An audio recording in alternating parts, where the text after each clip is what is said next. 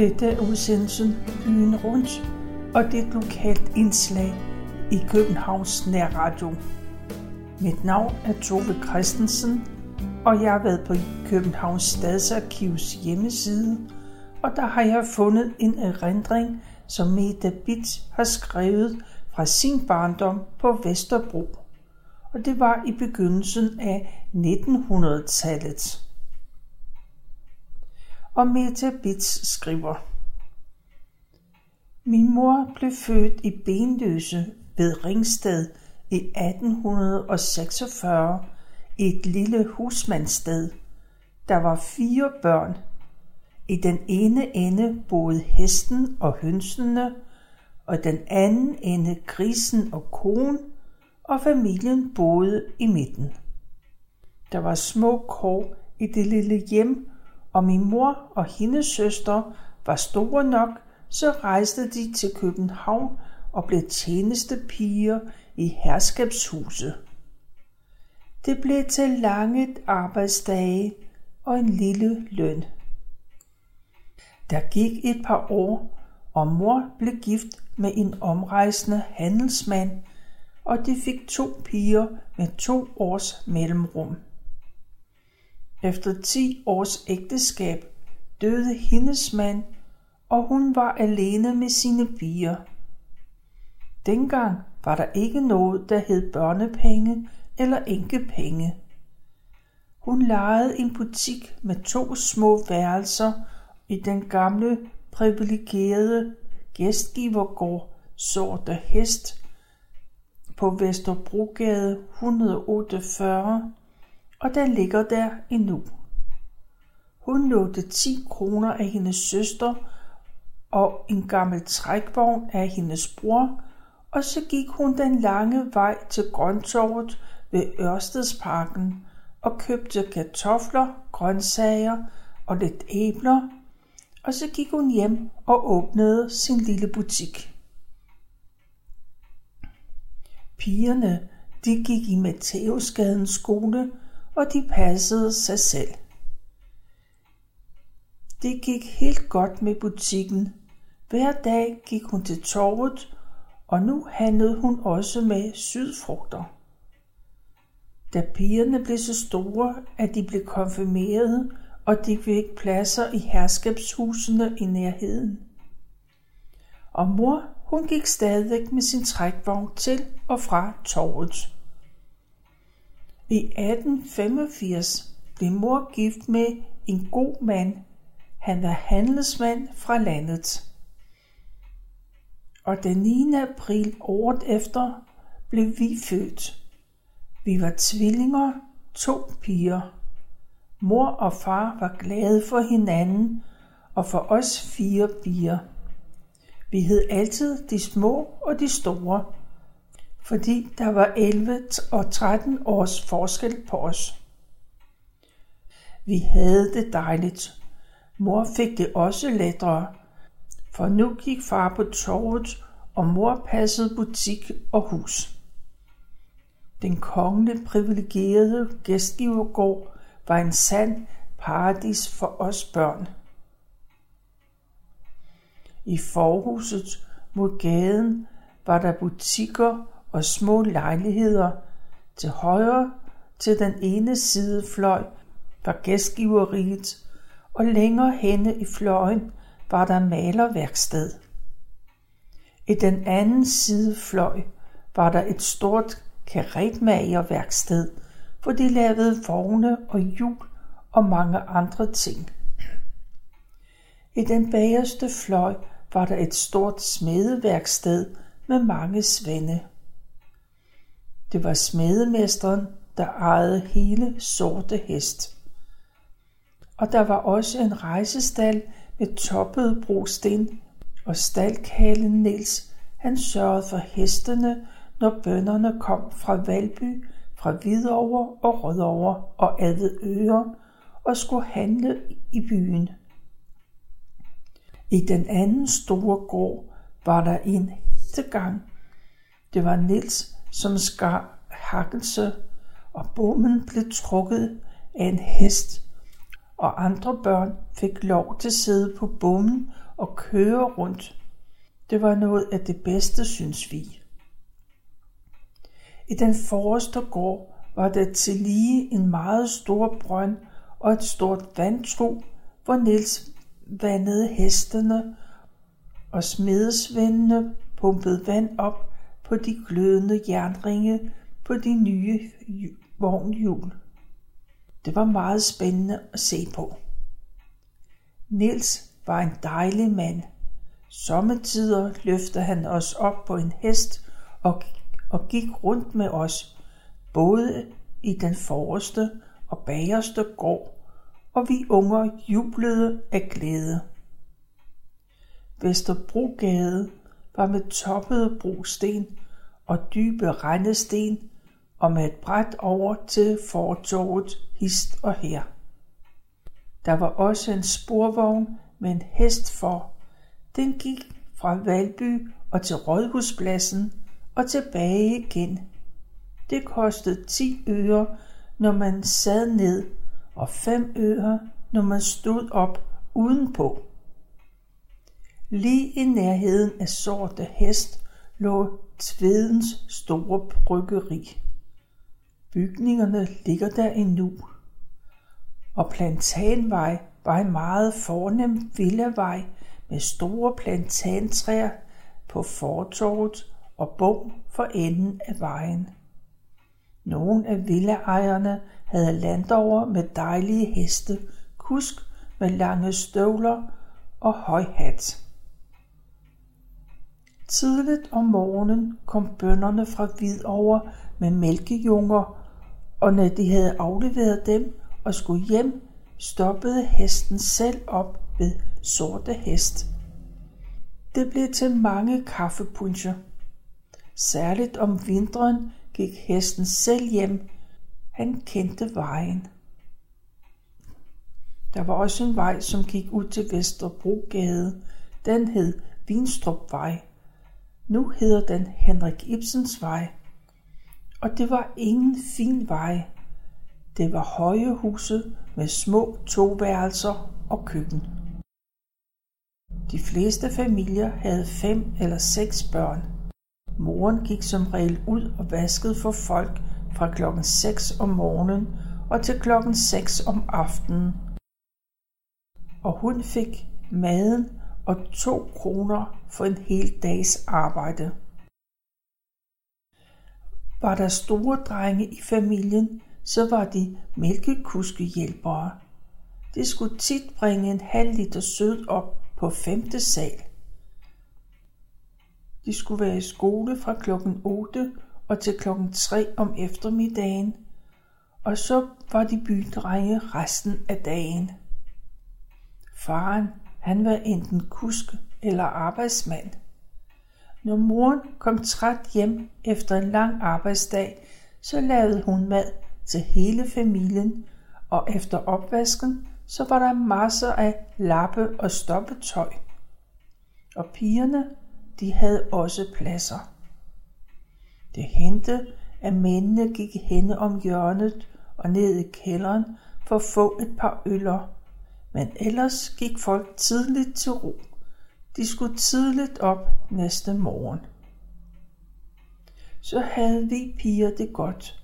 Far og mor sad godt og lunt i den store køkken og de små stuer.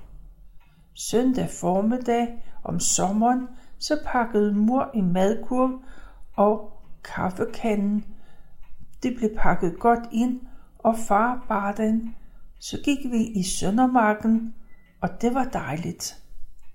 Alle de voksne legede to mand frem for en enke, og alle vi unger, vi legede sammen, og vi spiste vores mad, enten sad vi, enten sad vi i græsset, eller også sad vi ved bruger og bænke. Trætte og glade gik vi atter hjem, og vi hyggede os ved aftenskaffen, og så var det sengetid så hentede det noget for os, som vi var meget kede af. Smedemesteren, han ville lave butikker i hele huset, så vores lille lejlighed skulle høre skulle høre til butikken, og så måtte vi give op. Far og mor købte så et gammelt gult hus med teglsten i Frederiksberg Bredegade. Det var en port, en gård og et gammelt gult hus. Der boede en drosjekusk og hans hest. Far lod det gamle forhus rive ned. Han ville bygge et nyt, og hvor det i stuen skulle være en lille butik med kælder og to værelser og køkken. På første sal var der en lejlighed med tre værelser og en korridor, og kvistlejligheden, den var også med tre værelser. Da huset det var halvt færdigt, så blev far meget syg og døde et par måneder senere.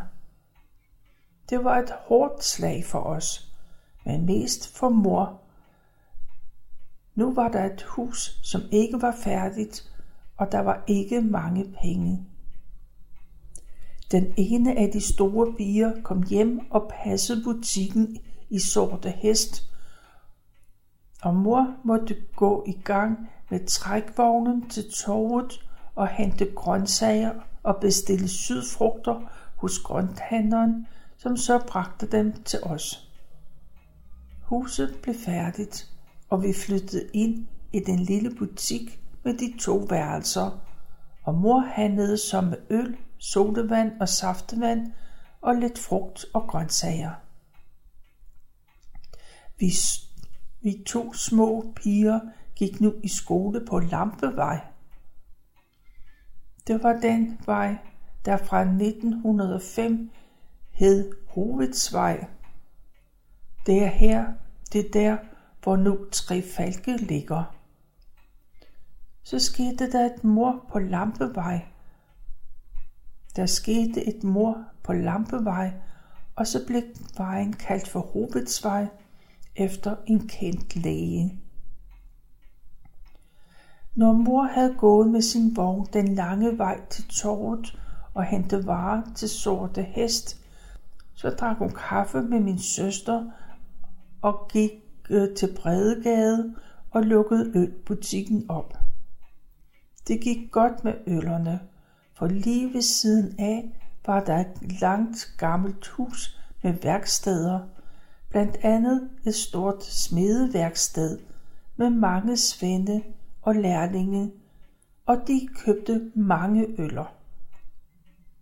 På den anden side af vores hus var der en gammel bagergård. Der var også et baghus med plads til kusk, vogn og hest. Til lige, et, til lige var der et stort skur med birkebrænde. Og bagerfruen, hun var sød. Hver mandag fik vi en stor kurv med gammelt brød. Der var fransk brød, vinerbrød og nogle dejlige runde surbrød og til lige kager. Vi piger fik lov til at tage, hvad vi ville have, og så var det hunden Trofastens tur til at rode i kurven, og til sidst fik hønsene resten. Bagerfruen, hun fik så grøntsager til sine høns. Vi små måtte feje gade og fortov, vi rensede kloak både i gaden og i gården, og vi skuffede sne om vinteren. Lige over for os på den anden side af gaden lå der et stort fint hus en dejlig stor have med springvand og skønne blomster. Kokkepigen købte øl, sodavand og sifon, grøntsager og friske æg som mor havde med hjem fra torvet. Vi piger, vi skulle bringe varerne derover. Herren i huset var millionær. Vi mødte ham gerne, når han spacerede i haven, og vi fik altid 10 øre til deling. Og vi sagde mange tak og narrede til jorden for ham. Så blev der bygget en ny og moderne skole på Solbjergvej, og alle, både piger og drenge, blev flyttet dertil. Min søster og jeg gik i den samme klasseværelse, og vi havde den samme klasselærerinde i alle otte år. Der var meget længere at gå til Sobjervej, og vi måtte skynde os hjem og spise til middag, og så afsted igen. Vi havde meget hjemmearbejde, både med stile og regning, men det klarede vi selv. Mor havde et dejligt menneskeligt sind, og hun var god og meget flittig. Hun købte uld ude på landet, kartede og spandt selv den fineste uldgarn, som vi strikkede strømper og uldtøj af. Noget af uldgarnet blev farvet, og mor kendte en væver, som vævede de fineste stykker tøj, som mor syede kjoler og overtøj til os af. Mor gik altid med kysehat og sjal til hverdag. Men om søndagen, når vi gik til Frederiksberg Kirke, så havde hun en fin sort hat og frakke på. Mor havde aldrig købt for 10 øre pålæg, som alt skulle laves hjemme. Jeg husker så tydeligt en eftermiddag i november, at mor sagde, kom så piger, nu går vi i byen. Mor havde kyssehat og sjal på. Vi havde stortrøje og træsko på. Og så gik vi hen til Gammel Kongevej, hvor den allerfineste slagter var. Der var der flere fine fruer, som købte ind. En af svendene kom og sagde, ja, lille madame, hvad skulle det være? Jeg vil gerne have et stykke flæsk, sagde mor, og han kom med et lille stykke fedt flæsk. Ikke det der, sagde mor, og han kom med et andet lille stykke. Så sagde mor, hvad koster den halve gris, som hænger der? Svenden, han måbede, men grisen blev vejet. Jeg tror, det blev 50 kroner. Vil de patere den for mig og bringe den hjem for mig? Og mor betalte, og så fik tonen en anden lyd. Ja, så gerne frue, var der andre sager, fruen ønskede. Slagtermesteren lukkede selv døren op for os, og da vi kom udenfor, så hyldede vi af grin. Den næste dag havde vi travlt med at salte ned, lave smedisterpølse, leverpostej og smelte fedt af. Et stort stykke hjemmebagt sigtebrød med fedt, det var en herreret. Kom der en sulten vandringsmand, fik han altid mad og kaffe. Det var tit, at der sad en fremmed mand og spiste, når vi kom hjem fra skole og spiste middagsmad. En dag kom der en lægerdreng fra smedeværkstedet og skulle have en masse øl.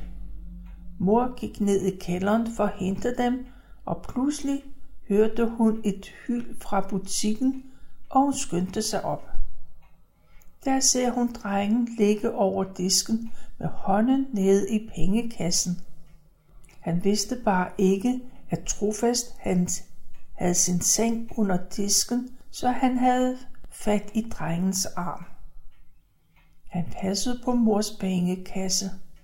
Det var en dejlig hund. Mor spurgte ham om, hvorfor han ville tage penge fra hende, men han græd så meget og sagde, at han var sulten. Og mor sagde til ham, skynd dig ind med øllerne til Svende og kom tilbage og spis middagsmad sammen med pigerne. Han kom også, og vi kom fra skole og spiste sammen. Han fortalte, at han boede på Vesterbro, og de var seks børn. Hans far var tit uden arbejde, så der var ikke mange penge til mad. Mor sagde, at han skulle komme hver morgen klokken 7, så lavede bierne kaffe til jer, alle tre, og du får alt det brød, du kan spise. Og så kommer du klokken 12, og får din middagsmad.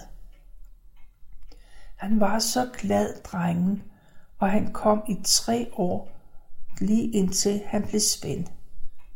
Vi havde det rart alle sammen. Hvert år kom vi gratis i zoologisk have med skolen. Så fik vi hver fem øre til at snolle for. Vi købte en stor hvid bismarsklump med røde striber. Den kostede to øre. De andre tre øre, de skulle gemmes til en anden gang. De store og de små piger og mor tog en søndag om sommeren en tur i skoven. Mor lavede en dejlig madkurv, og vi gik til Frederiksberg runddel. Der holdt de høje to sporvogne med en udendørs trappe til den øverste del. Der var to rækker bænker på langs. Vi små kravlede op ad den smalle jerntrin og fik en dejlig sædeplads, og det var så meget at se på hele turen lige til Hellerup. Der var to store heste for, de trak den store sporvogn. Det kostede 10 øre for hver. Så gik vi fra Hellerup og til Charlottenlund skov. Der var en stor og dejlig græsplæne, som vi kaldte Sletten. Der var hyggelige lysthuse med borde og bænke. Mor bestilte vand på maskine. Det var en stor kover eller messingkæde med kogende vand, et fyrfad med tre kulsgløder til kaffekanden, så var der kopper og skær og sukker og fløde. Det hele kostede en krone, og vi havde selv kaffen med. Mor lavede kaffe, og vi spiste den gode mad og mors dejlige sandkage til kaffen. Vi legede med alle ude på sletten. Mor så efter sine piger og holdt gløderne ved lige, for vi skulle jo også have eftermiddagskaffe.